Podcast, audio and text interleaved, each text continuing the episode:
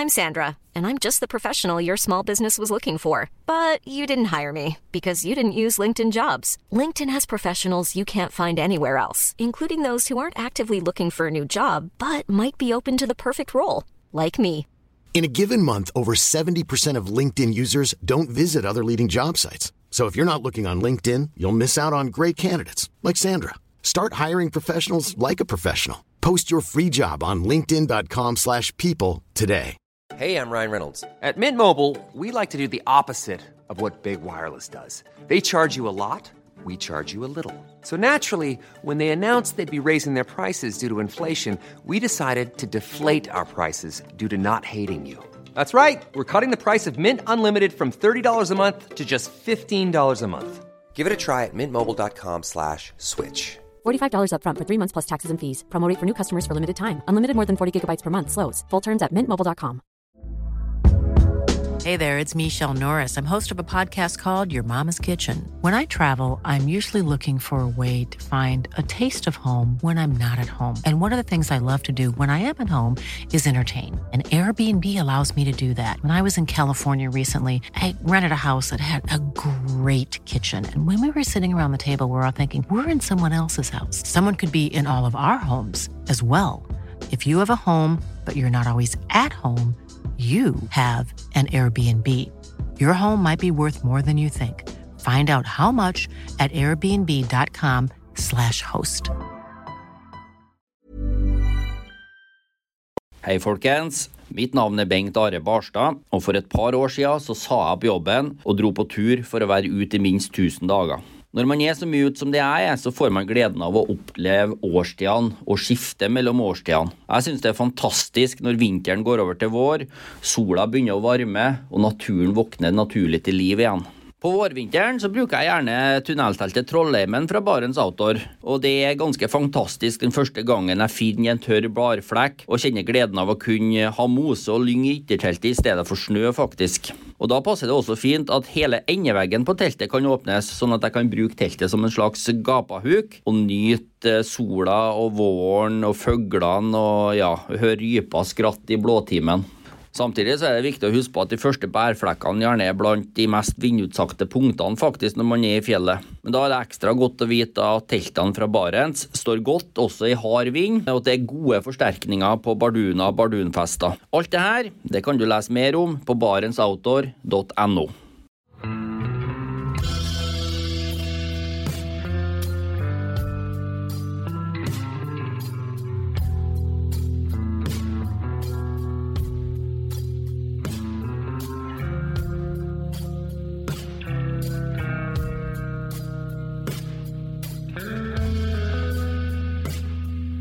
Hei og velkommen til podkasten Uteliv.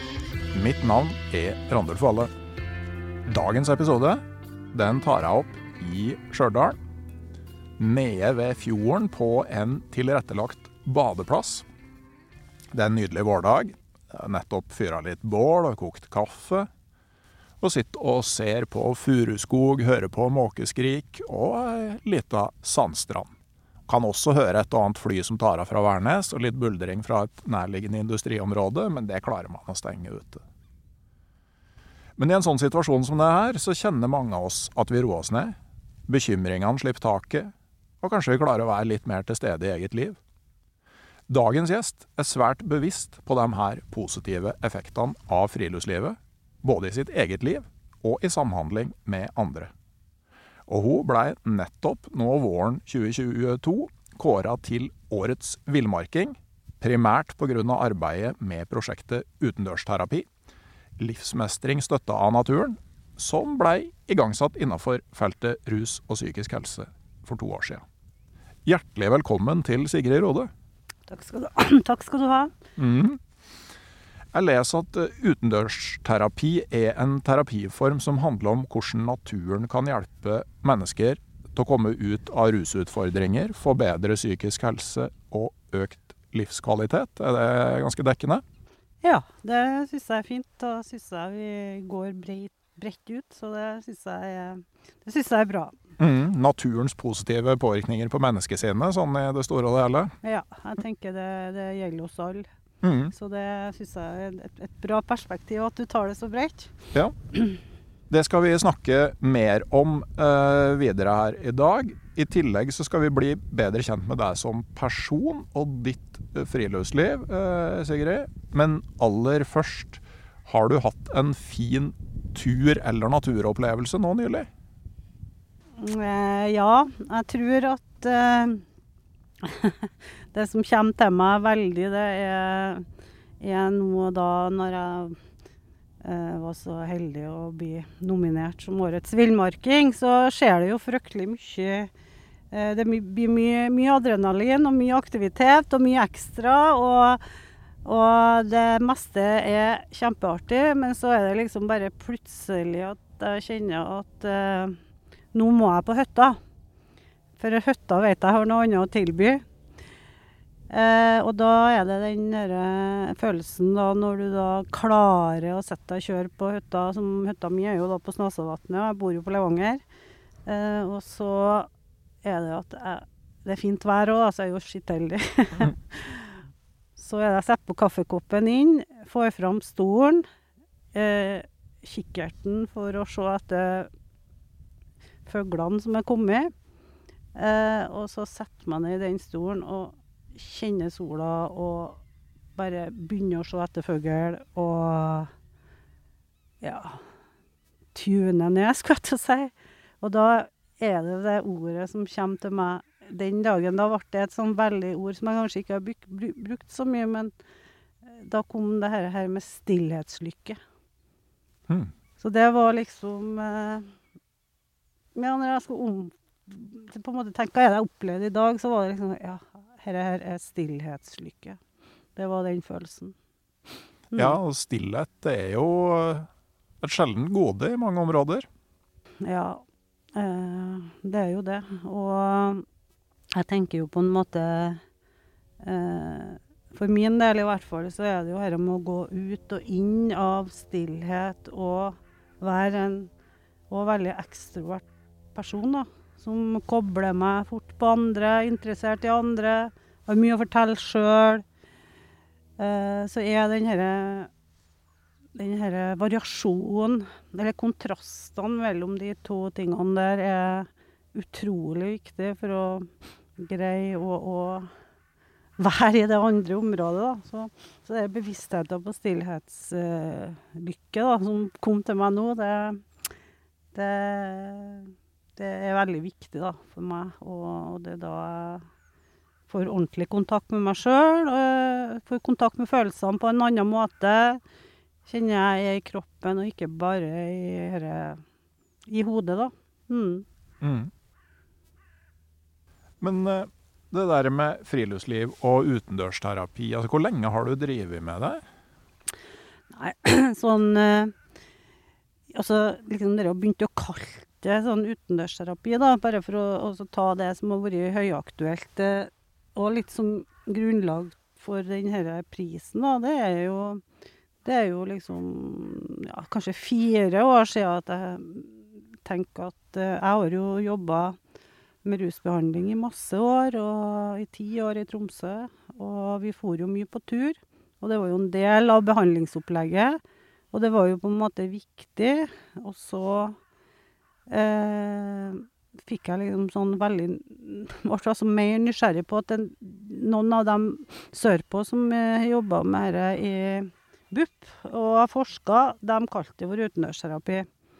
Og da tenkte jeg nå må jeg liksom ned og se hva er dette her Hva er det liksom noe annet? Er det noe mer inn det at man begynner å ta inn det begrepet, og hvorfor gjør man det? Så, så det er fire år siden at jeg for ned på en studietur og møtte de flotte menneskene og var med på en virkelig utendørsterapeutisk dag med ungdommer, der man hadde masse spennende måter å tilnærme seg en dag på. Fra at jeg var med på det vi kaller lavterskeltilbud i kommunen en annen dag, altså mer altså hente opp folk med bussen, gå to kilometer ned til bålplassen, sånn som her. Eh, Steik pøls, ha en sosial kontekst, eh, gå tilbake og kjøre hjem igjen. Så det er jo liksom disse eksemplene på bredden, tenker jeg, eh, i feltet på, på at noe, er, noe er lett å komme til, og det sosiale gir mye effekt av bevegelsen gir effekter, til liksom mer sånn spesifikke intervensjoner, som man kaller det, i feltet da, på, på ungdom som man skal finne ut av hva trenger dem, og bygge styrke og ja. Så det er litt sånn, litt sånn bredde, og nå snakker jeg jo gruppe, og så, og så er det jo individuelt eh, Så er det jo bare at man liksom tar med folk ut. Så skjer det jo mye mer inn når du sitter inn. Det er jo ikke egentlig verre enn det. Det er jo egentlig det er jo, det er jo så mange effekter allerede der. Men det, det var fire år siden, så starta jeg opp da Men da fikk jeg et bilde av det, og så ble jeg motivert for det. Og så hadde vi han herre Leif Einar Gabrielsen, da, som, som nå dessverre har gått bort. Han, eh, han eh, hadde et webinar for oss. Eh, det var i juni, tror jeg. Ja, omtrent snart to år siden. Og da var det forferdelig mange som meldte seg på. Og da tenkte jeg her er stor interesse for. Her er det noe uforløst eh, blant folk som jobber, på, jobber med folk. Eh, når så mange er interessert. Og så fikk vi liksom sette i gang det utendørsterapi, livsmestring, støtte av naturen, og begynte å lage kurs eh, den høsten da, i, 19, i 20. da. Mm. Med å hente inn folk som var motivert, og fikk penger og laga en prosjektplan og Ja.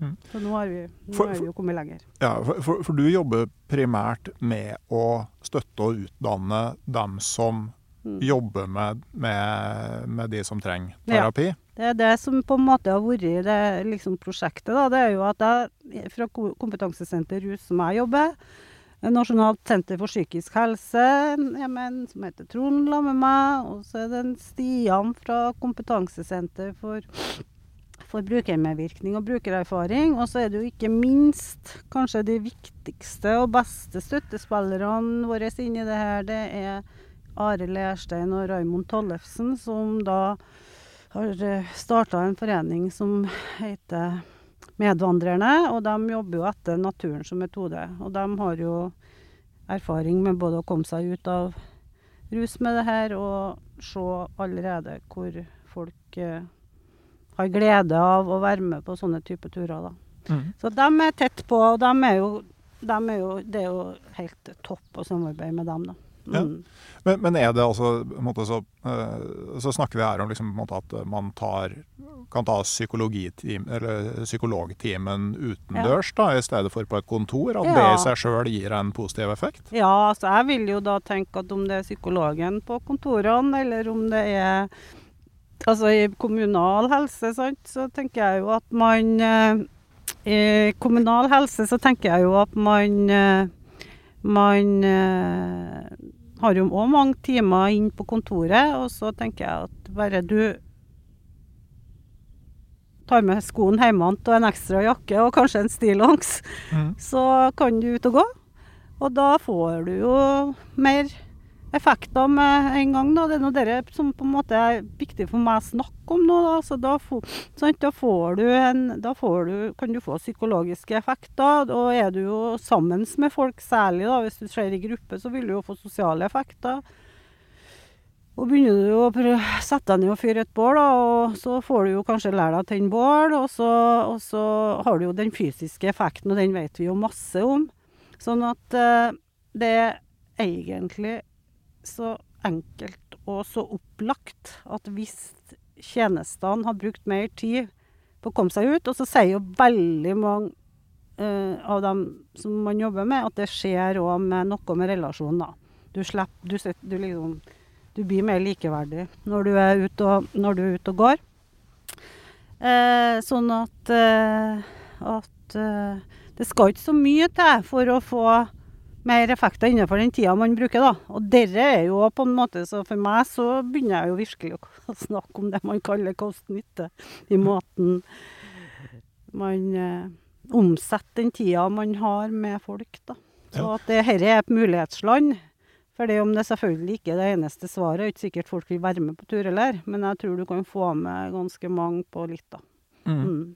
Eh, Ja, for, for hva er det egentlig som skjer altså når man flytter liksom, eh, ja, terapi eller annen behandling utendørs? Hva man faktisk gjør, er det det du spør om? Ja, både det og, og hva gjør man, og hva er det som rent faktisk skjer Ja. med oss? Ja, det som skjer med oss, det er jo det og det Altså, jeg, jeg tenker jo på en måte det eh, at sånn, altså, Jeg er ingen sånn eh, Nå er det jo Nå skal jeg jo støtte meg litt til sånn forskning når det gjelder hjernen. For det at eh, det er jo, handler jo på en måte at det skjer noe med hodet vårt. Og det, det tenker jo jeg at det Jeg vet ikke akkurat hva som skjer, men det skjer jo noe med hodet med en gang du kommer ut. Men jeg kan ikke forklare det med et sånn somatisk forståelse, for det, det, det kan jeg for lite om. Eh, og det Men det, det Jeg tenker jo, så skjer det jo noe med når du kommer i bevegelse, så skjer det jo noe med kroppen. Eh, vi vet jo at liksom da, det, det får du mer sånn sammenheng, og du får mer tilgang, tenker jeg, med en gang. Med at du bare at du beveger deg. Fordi om du ikke trenger å gå på en på en eh, topp. Og, og det at du på en måte da òg får lettere tilgang til følelsesmateriale, det er jo bare gjennom bevegelse. Og så er det jo her, her som jeg tenker da du starter i dag med å si her hører vi måsen, og vi hører, vi hører og vi, vi lukter bålet, og, sant? Og, så, og da er det jo noe med òg det bevisstheten man kan styre litt i retning av. Det er også å hjelpe folk òg til å bli litt mer bevisst sanser, for da, da skjer det jo noe. sant? Da blir du mer var det som skjer rundt deg, og, og, og du får mer tilgang til, til Og da er følelsesspekter, men òg ikke minst opplevelser. da. Så det er mange måter å styre det i, styre det i hvilken retning du vil. da. Mm. Mm. Du har jo drevet med det her i, i, i 30 år. altså Har du sett noe utvikling på, eh, på hvordan man bruker natur i sånne, sånne situasjoner? Altså det er jo 30 år siden jeg begynte med rusbehandling. Skal vi se, 93 begynte jeg i rus, rusbehandling i Tromsø. Eh, da jobba jeg jo i en langtidsbehandlingsinstitusjon for Tromsø og Nordland. Og det var jo ei tid hvor vi holdt på med mye forskjellig.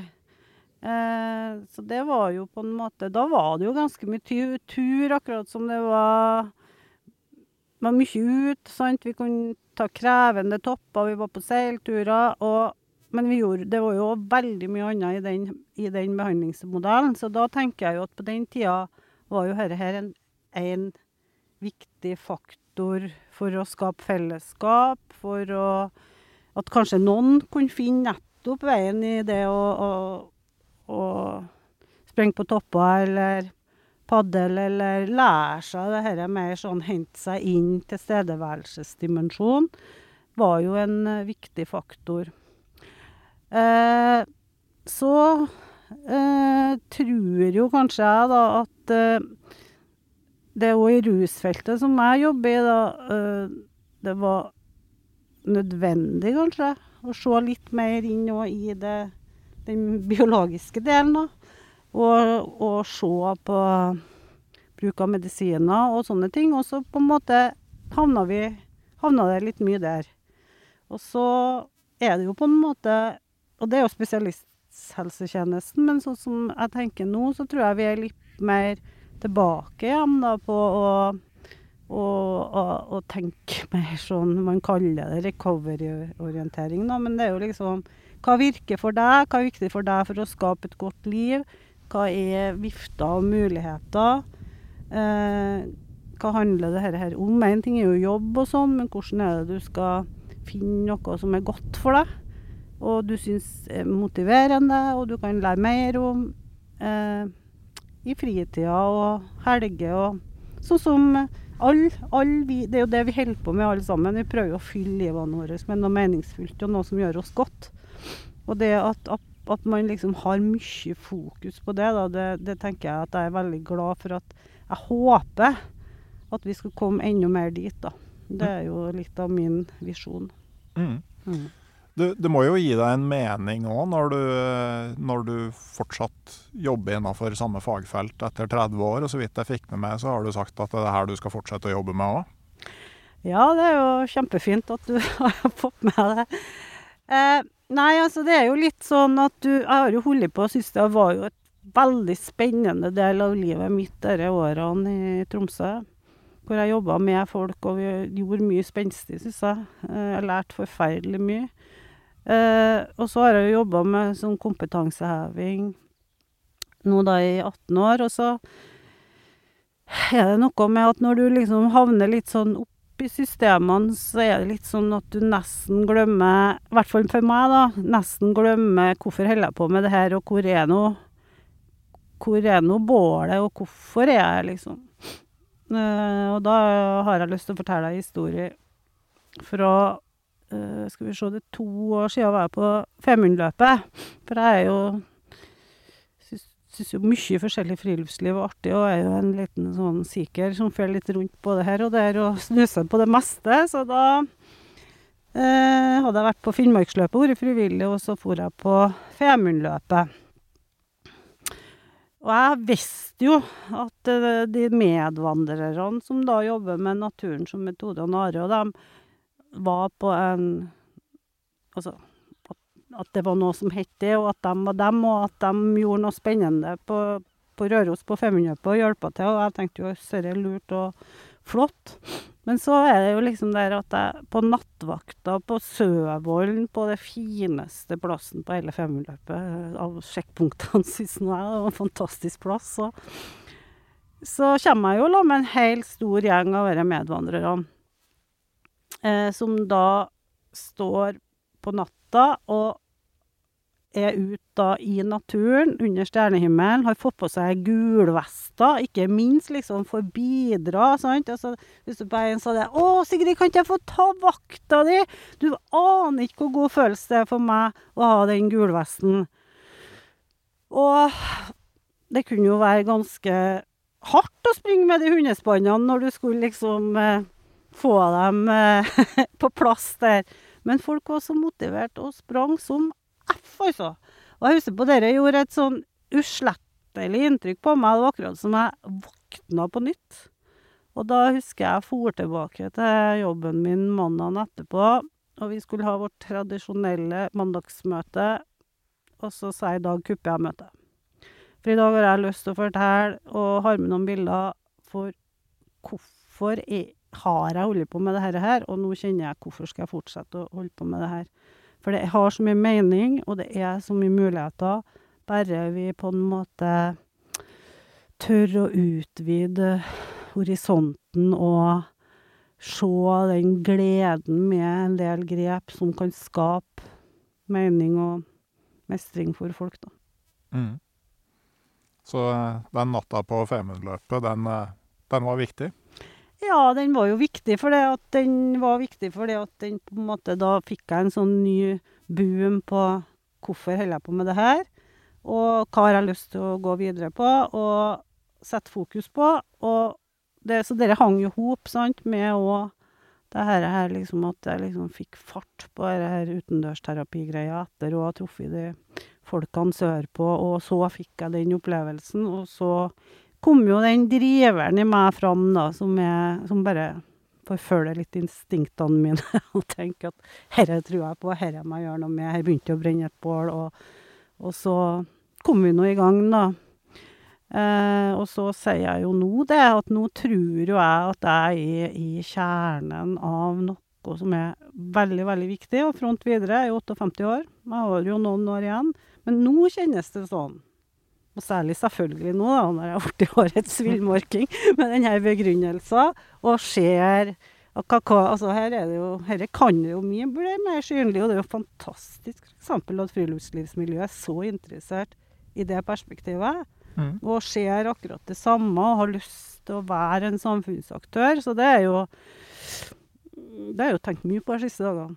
Ja, ja for det er jo Altså- stas å få den prisen. Forferdelig stas å få den prisen. Og så er det jo på en måte veldig stas å få den prisen. Og det er jo veldig stas for meg fordi at jeg jobber på vegne av alle oss som holder på med det. Men så sant, men så i hjertet mitt så tenker jeg at jeg vet at mange av dem der ute som litt er innafor målgruppa som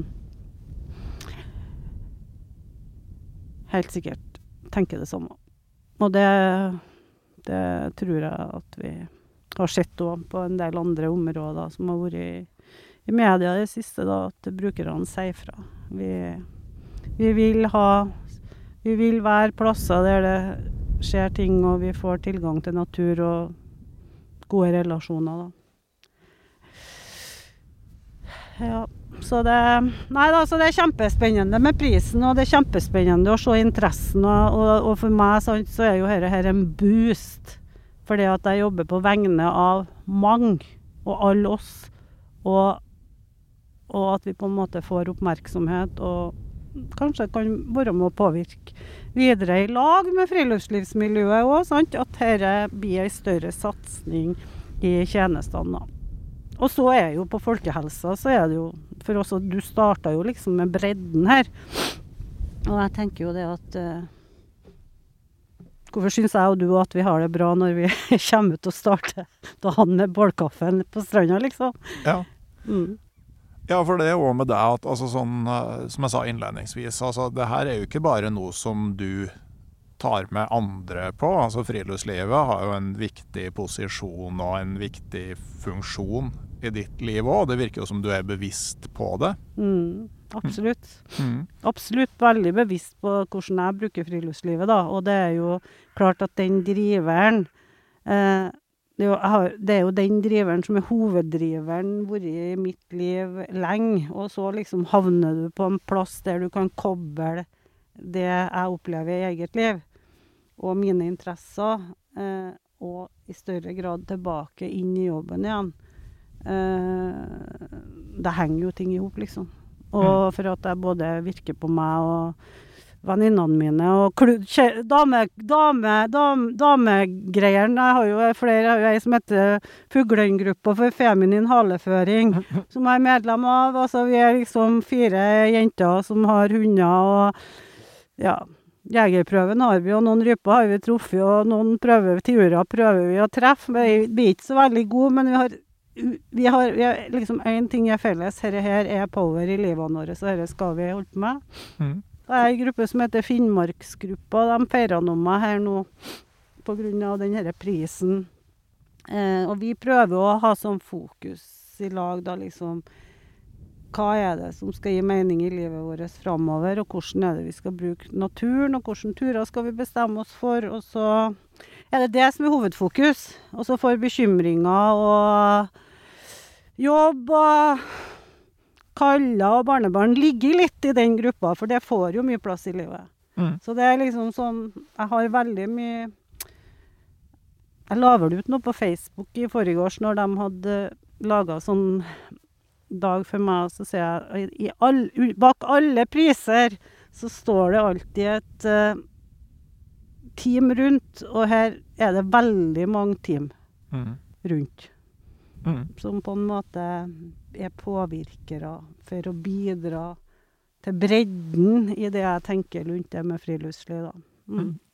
Men hvordan var veien din inn i friluftslivet? Har det, liksom, har det vært der helt siden barndommen? Ja, absolutt. Eh, jeg er født på Steinkjer. Mm. Eh, og hadde stort sett alle ferier på hytta vår som er på Snåsavatnet på Valøya. Mm. Eh, fram til Ja, jeg husker på det. Jeg husker jo godt den gangen vi kjørte til Elverum, for å si det sånn. Men, så det var stas, det òg. Men, eh, men eh, det er jo der på en måte historia mi starter. Og det er jo Nå hadde jeg en storebror, han var jo ekstremt opptatt av fugl og fuglekasser og telling og alt mulig sånn. Og så har jeg jo Og der drev vi jo mye med garn og fiske. Og min far, han eh, han var jo en systematiker, så vi har jo veid hver en fisk i Snåsavatnet. Alle fiskene vi har fått, så har liksom sånn, så det var veldig sånn fokus på fisk og vekt og, og system og fisking og liksom denne greia i det. Og så hadde jeg ei mor, tenker jeg, som har skrevet mye fortellinger. Eh, hun var veldig opptatt av de små ting. Altså, hun laga jo fantastiske historier om eh, Om eh, musa inni hytta. Mm. Sant? Sånn at det Så der, og så det var jo fugl og fisk, og, og så var det noe veldig mye snakk om molt, og det syns ikke jeg var så artig, men altså, jeg har, jeg har det jo absolutt med, og, og det var mange unger som var med, og vi hadde mye, mye artig. Så, så det er jo der Og så gikk vi, ikke, gikk vi jo alltid på fjellet, oppe i nærmiljøet, da, oppe i- mot Brandøyklumpen. Og, og der i alle påske- og vinterferier. Så, så det er nok eh, veldig forankra derifra, ja. Med forskjellige innganger med min primærfamilie, da. Mm. Men, eh, men eh, er det på en måte sånn at du kjenner igjen påvirkninga derifra i friluftslivet du driver i dag? Ja ja, det er jo klart. Eh, det er jo med, og det er jo det, men, sant, For det er jo mer den derre Jeg tenker den derre fokusen. Og, og som vi hadde da, det, det, det er jo litt det denne tilstedeværelsesdimensjonen, tror jeg egentlig. At, sånn når jeg tenker det litt som sånn Det var ingen som brukte det ordet da, men uh... Det var ikke det, men det er det jeg ser det som nå. Sant? Og, og hvis jeg skal bringe det inn i litt faglige kontekster, så var det på en måte i dag, som vi bruker i dag, mm. så, var det, så kjenner jeg jo igjen det. Men så er det jo sånn at livet går jo videre, og du blir ungdom. Og, og da fikk jeg jo meg en kjæreste som da drev med jakt. Så da kom jeg over i den fasen med å begynne å fare mer i forskjellige andre fjell i Trøndelag. Og fikk hagla mi og var med gutta på tur. Og gleden over når jeg endelig traff den første rypa. Begynte med fuglehund, var med i fuglehundmiljøet. Eh, begynte å gå opp fra hytte til hytte. Sant? Syland, eh, Rondane, Jotunheimen, eh, dobbeltdrag. Altså fikk med den dimensjonen der. Så det var jo en utvida opplevelsesdel i, i livet mitt som liksom bringte meg at bredden ble enda større, da. Eh, og så flytta jeg jo til Tromsø. 29 år. det er jo noen turområder der, bare rundt da. det er noen turområder der òg, vet du. Og der var det jo, da var det jo liksom mer havet og eh, Havet og lyset og nordlyset og Indre Troms. eh, Så jeg traff jo mannen min da i 1993. Han hadde jo et ekstremt eh, nært forhold til Indre Troms og Dividalen, og lå jo inni der og fotograferte og spora bjørn, og hadde jo på en måte en ny dimensjon igjen. Som han var med og påførte. Og ja, tiurleik hadde jeg med meg fra før òg, men men i Indre Troms der lå vi ordentlig, ordentlig på tiurleik. Eh, og så kjøpte vi oss hytte på Vannøya, som er rett ut mot Nordishavet, bruker jeg å si. Og så jakta vi jo der, og da var det jo Ja, husker jo når jeg tror jeg var i sjuende måned og lurte på meg hvis jeg begynner å fø nå, hvordan kommer vi oss til land? Så da fikk du jo dere virkelig sterke naturkreftene, tenker jeg, som eh, Som ikke var på den måten på Snåsavatnet, liksom. Mm.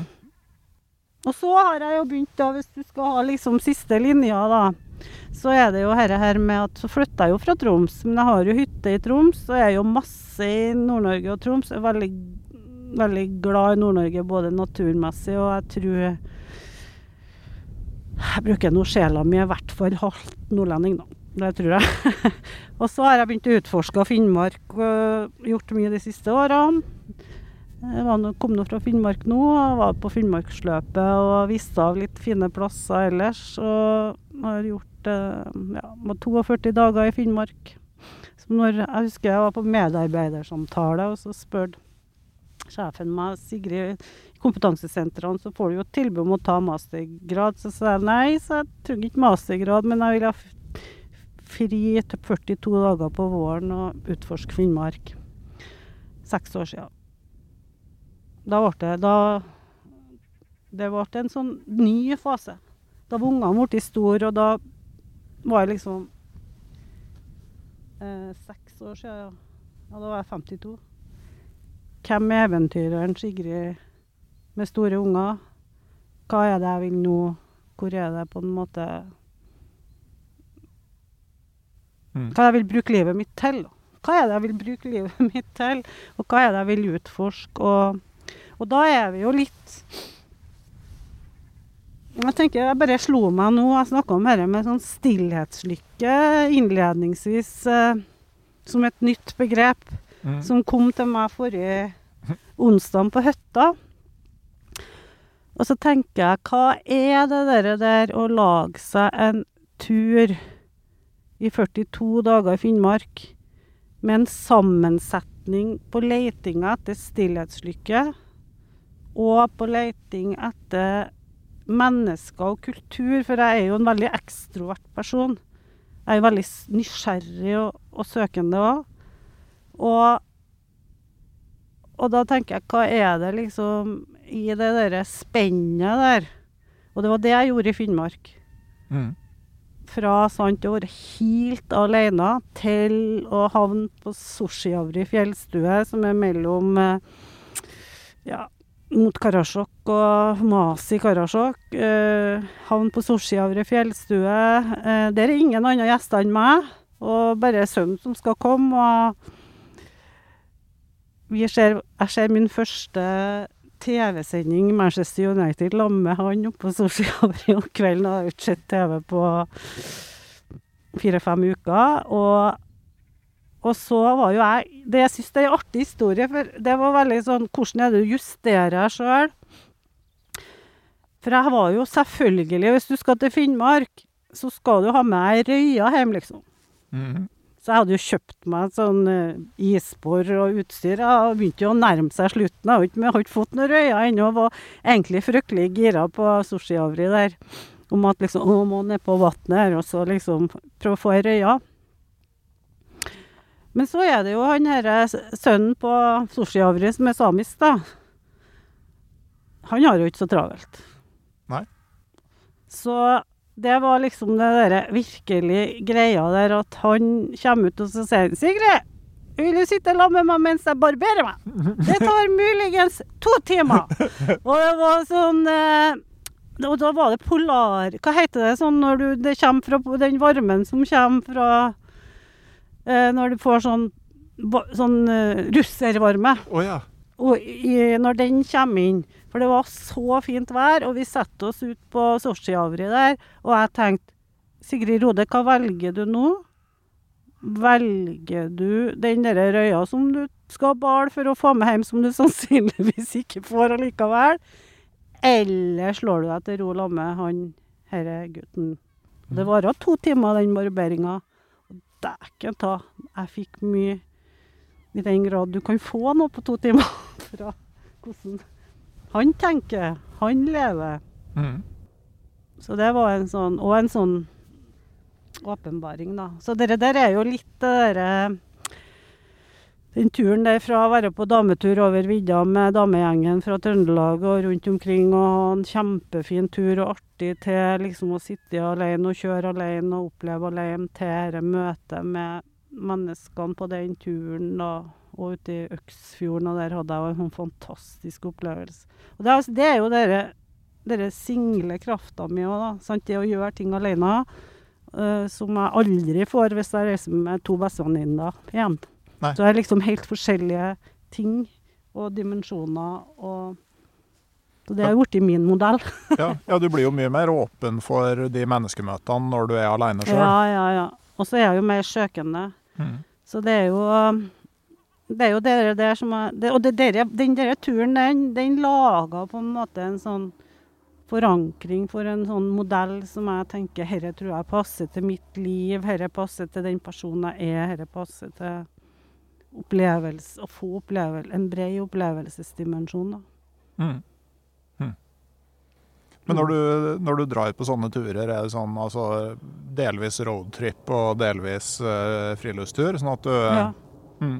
Mm. Så når du er borte 42 Jeg husker broren min da jeg for på Finnmark, han trodde at han sa fra til noen sånne i SNO som han jobba oppe i Finnmark for å se etter søstera mi, som ikke hadde tullet seg bort på fjellet.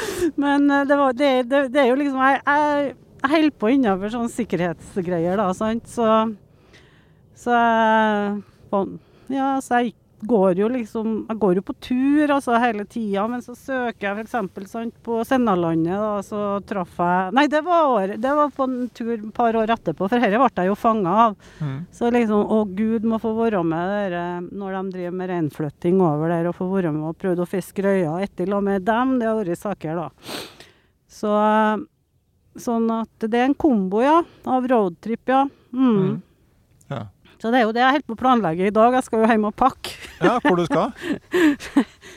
Nei, nå skal jeg til Indre Troms på torsdagen. eh, Da skal jeg i Dividalen sammen med dattera mi og kjæresten og, og noen flere venner. Men så skal jeg jo ha noen dager først, og da ligger jeg, nå ligger jeg jo litt på været, som man bruker å si da. Så nå Mhm. følger jeg med værmeldinga, og så jeg vel på at jeg tror jeg starter i morgen tidlig, så jeg ikke skal bli så stressa. Og så kikker jeg på været. at- Ja, stopper jeg på Saltfjellet i morgen ettermiddag fire, ja, da er det sol.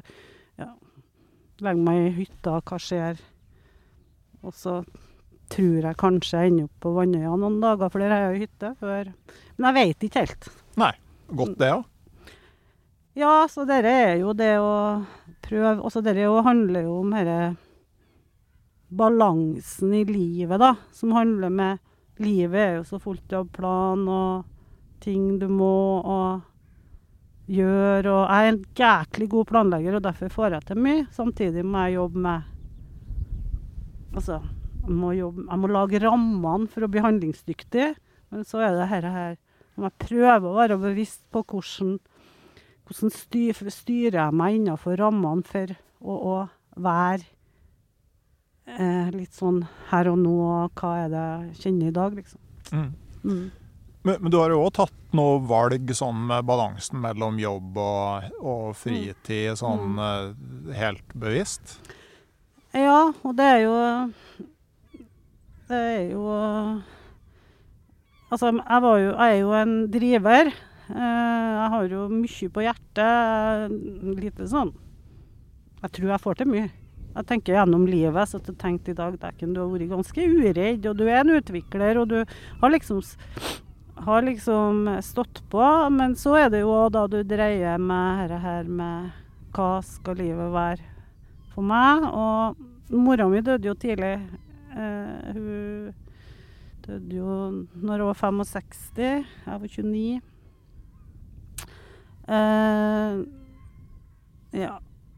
Jeg var jo på tur inn i en topplederkarriere, opp med lederutvikling og kunne vel ha valgt den veien, men så bare plutselig så tenkte jeg hva skal livet mitt være? Da var jeg 47, jeg husker den dagen. Så tenkte jeg, hva skal livet ditt være hvis du lever like lenge som mora di har 18 år igjen? Noen syns det er en destruktiv tenkning, mens jeg tenkte at det er et mulighetsland. Skjønner du? Sånn altså, hva vil du liksom? Og det var jo kanskje da jeg virkelig tok det valget, og ikke sto i det dilemmaet lenger med hvordan, eh, hvordan karusell skal jeg være med på. Og siden da så Og det var jo, har jeg jo på en måte vært mer bevisst og jobbredusert. Og da har jo ungene begynt å bli store, men å gjøre ting jeg har hatt lyst til å gjøre, da. Mm. Og annet det Finnmarksprosjektet jeg fortalte om, da. Mm. Og så hadde jeg vel et år, året nå før koronaen, og,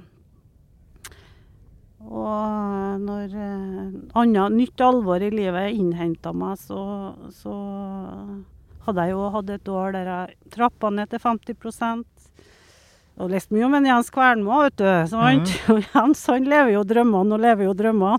Så jeg, jeg tenkte jeg får ikke til så mye som han, men går det an å få til litt? Så han òg er jo en rollemodell. Han er jo en inspirator eh, i forhold til Så da hadde jeg et år med tre uker på jobb og tre uker på tur. Mm. Hvor jeg fant på forskjellige ting, da. Og jeg tenker også det som måtte, Sånn som jeg forstår budskapet til Jens, det er jo ikke at alle skal gjøre det han gjør, Mm. men at alle skal tenke gjennom hva de ønsker å gjøre. Mm. Uh, og for noen så vil jo det være mer en sånn balanse mellom to verdener enn, enn å si farvel til en, til en verden, men det å tenke gjennom bevisst Mm. hva det er du sjøl ønsker. Jeg tror det er litt der essensen ligger. Helt klart, og det er jo sant, så det er jo essensen hans, Jens. Den har jo gjenklang i meg, og hva jeg egentlig har stått for i mange år før han ble kjent, for å si det sånn.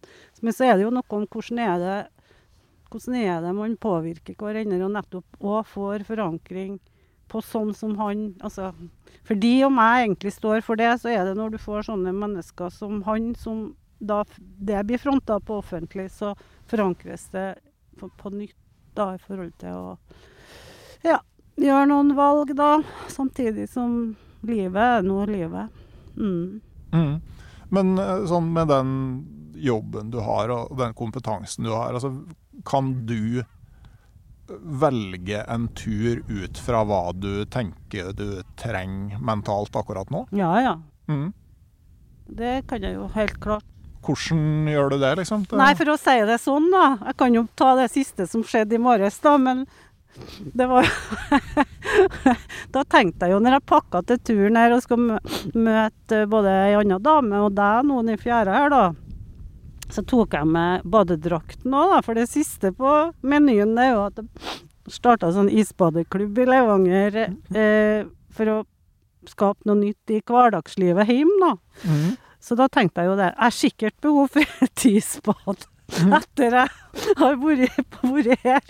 Men akkurat nå så er jeg frysa sånn at det, det kan hende at behovet har endra seg. Ja, det er noe med det. At man blir litt sånn snikekald å og sitte rolig så ja, lenge. Ja da, men altså, pointet er jo liksom hva, hva er det du tenker du kan legge til? Det er det du etterspør. Mm. Og det er klart at jeg velger jo øh, Det med å være litt sånn her og nå, så kan jeg godt legge meg styre av det. Men samtidig så er jeg jo en god planlegger. Mm. Samtidig så er jeg jo flink til å få med meg venner og folk, og vi skaper mye. Så det er jo, det er jo en balanse, det her òg. Altså Ja. Det Mm. tenker jeg. Så det er, det er både òg. Mm. Jeg er ikke bare sånn liksom ensomme Sigrid som kjenner etter i seg selv 'hva vil du nå'? Jeg har òg mange prosjekt, altså. Mm. Har hatt mye sånn prosjekt, sosiale prosjekt. Mm. Ja.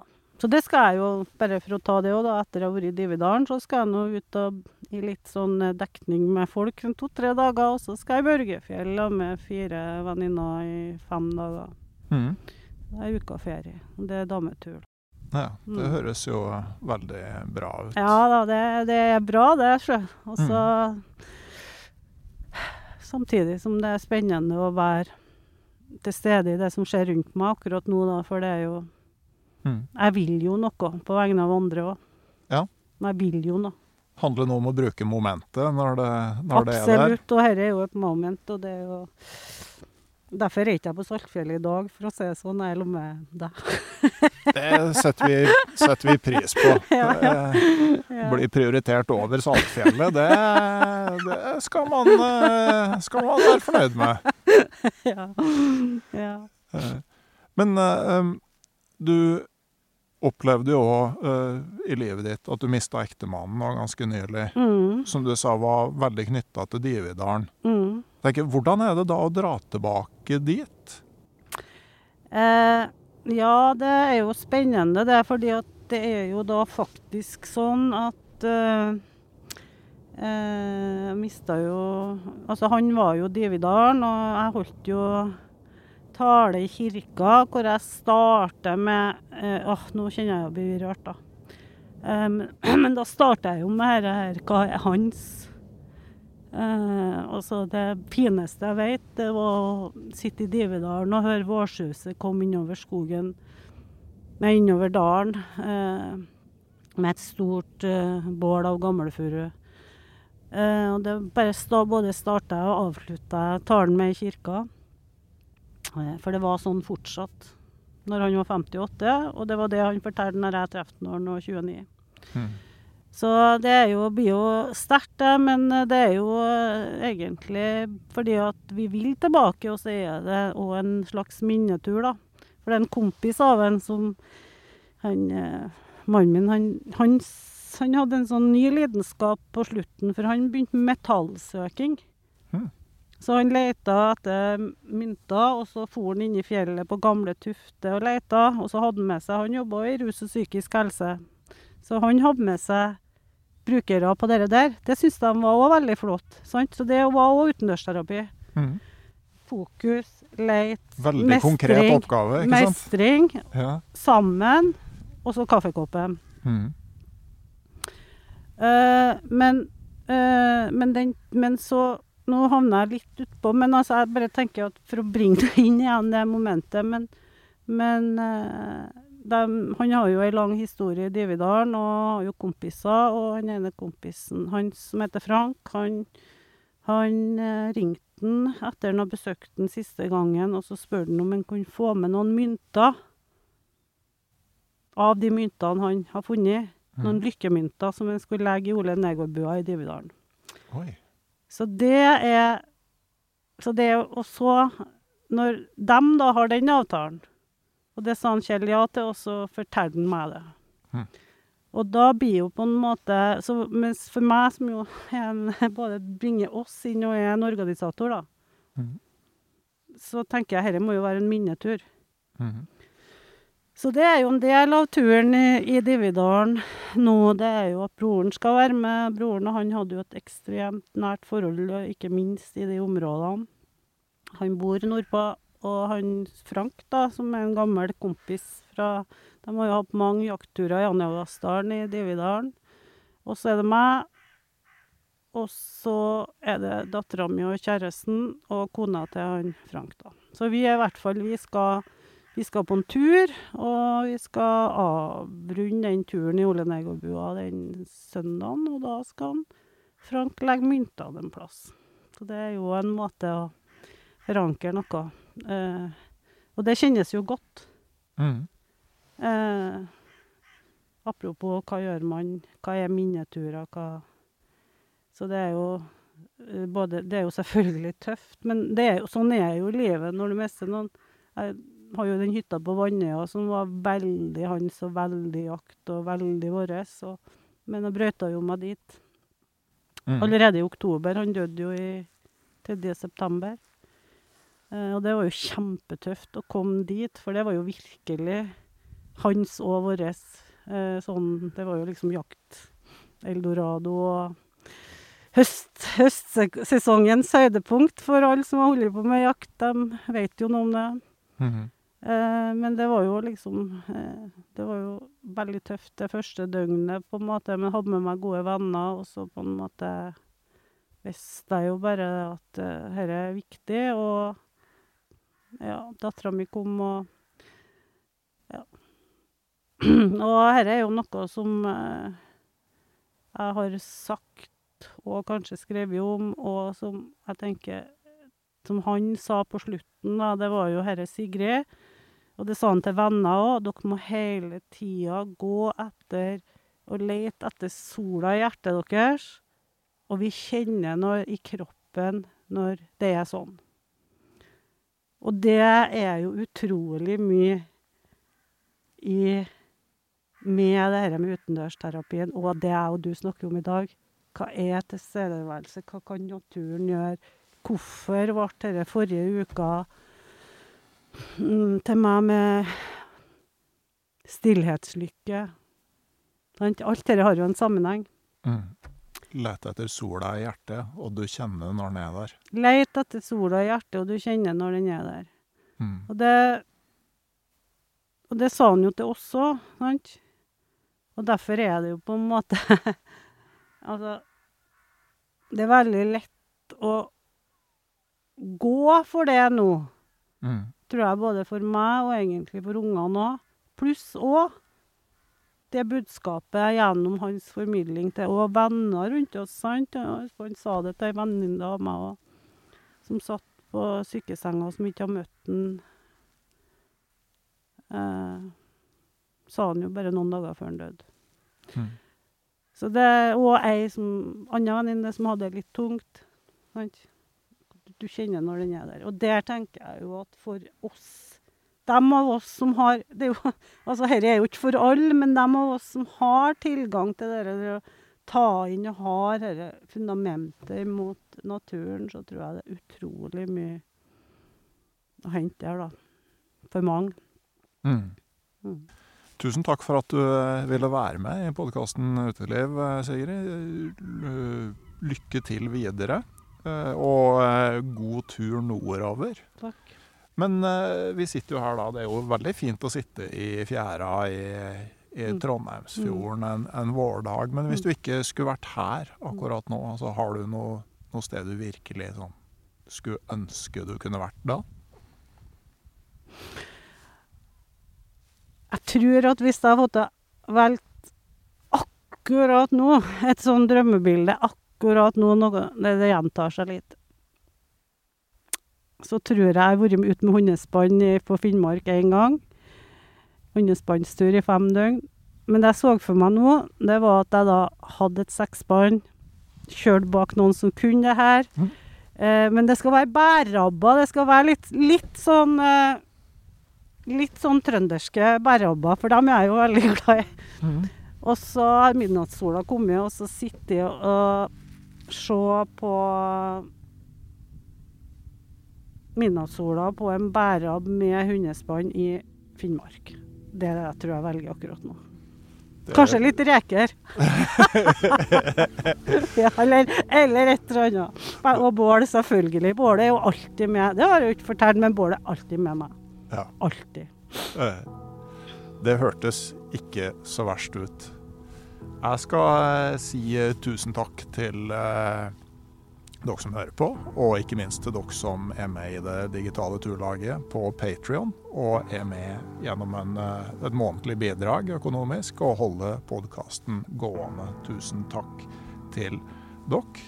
Så tror jeg vi alle skal kjenne litt på det der om, om sola treffer hjertet vårt. Og innerst inne reflektere over at vi vet når den gjør det. Jeg tror det kan få lov å bli eh, det siste vi tar med oss her i podkasten Uteliv i dag. Så kommer det en ny episode om ei uke. Ha det bra.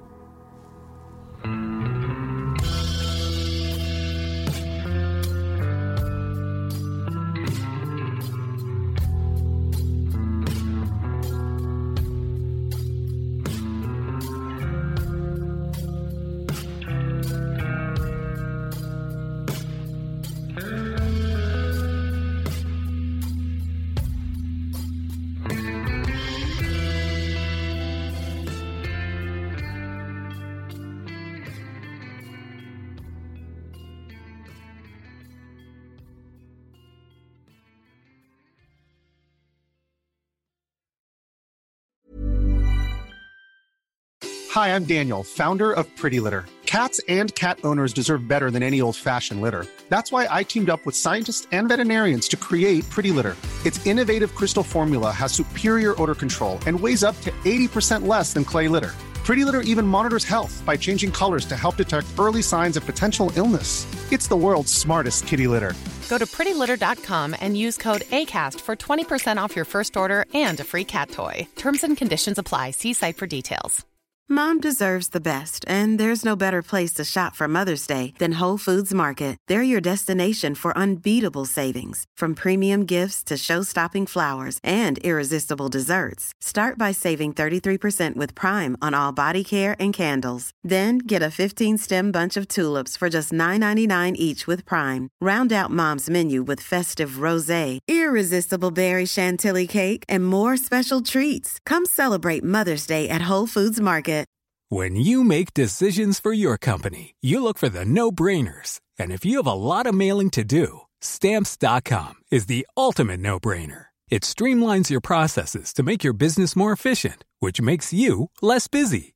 Mail checks, invoices, legal documents, and everything you need to keep your business running with stamps.com.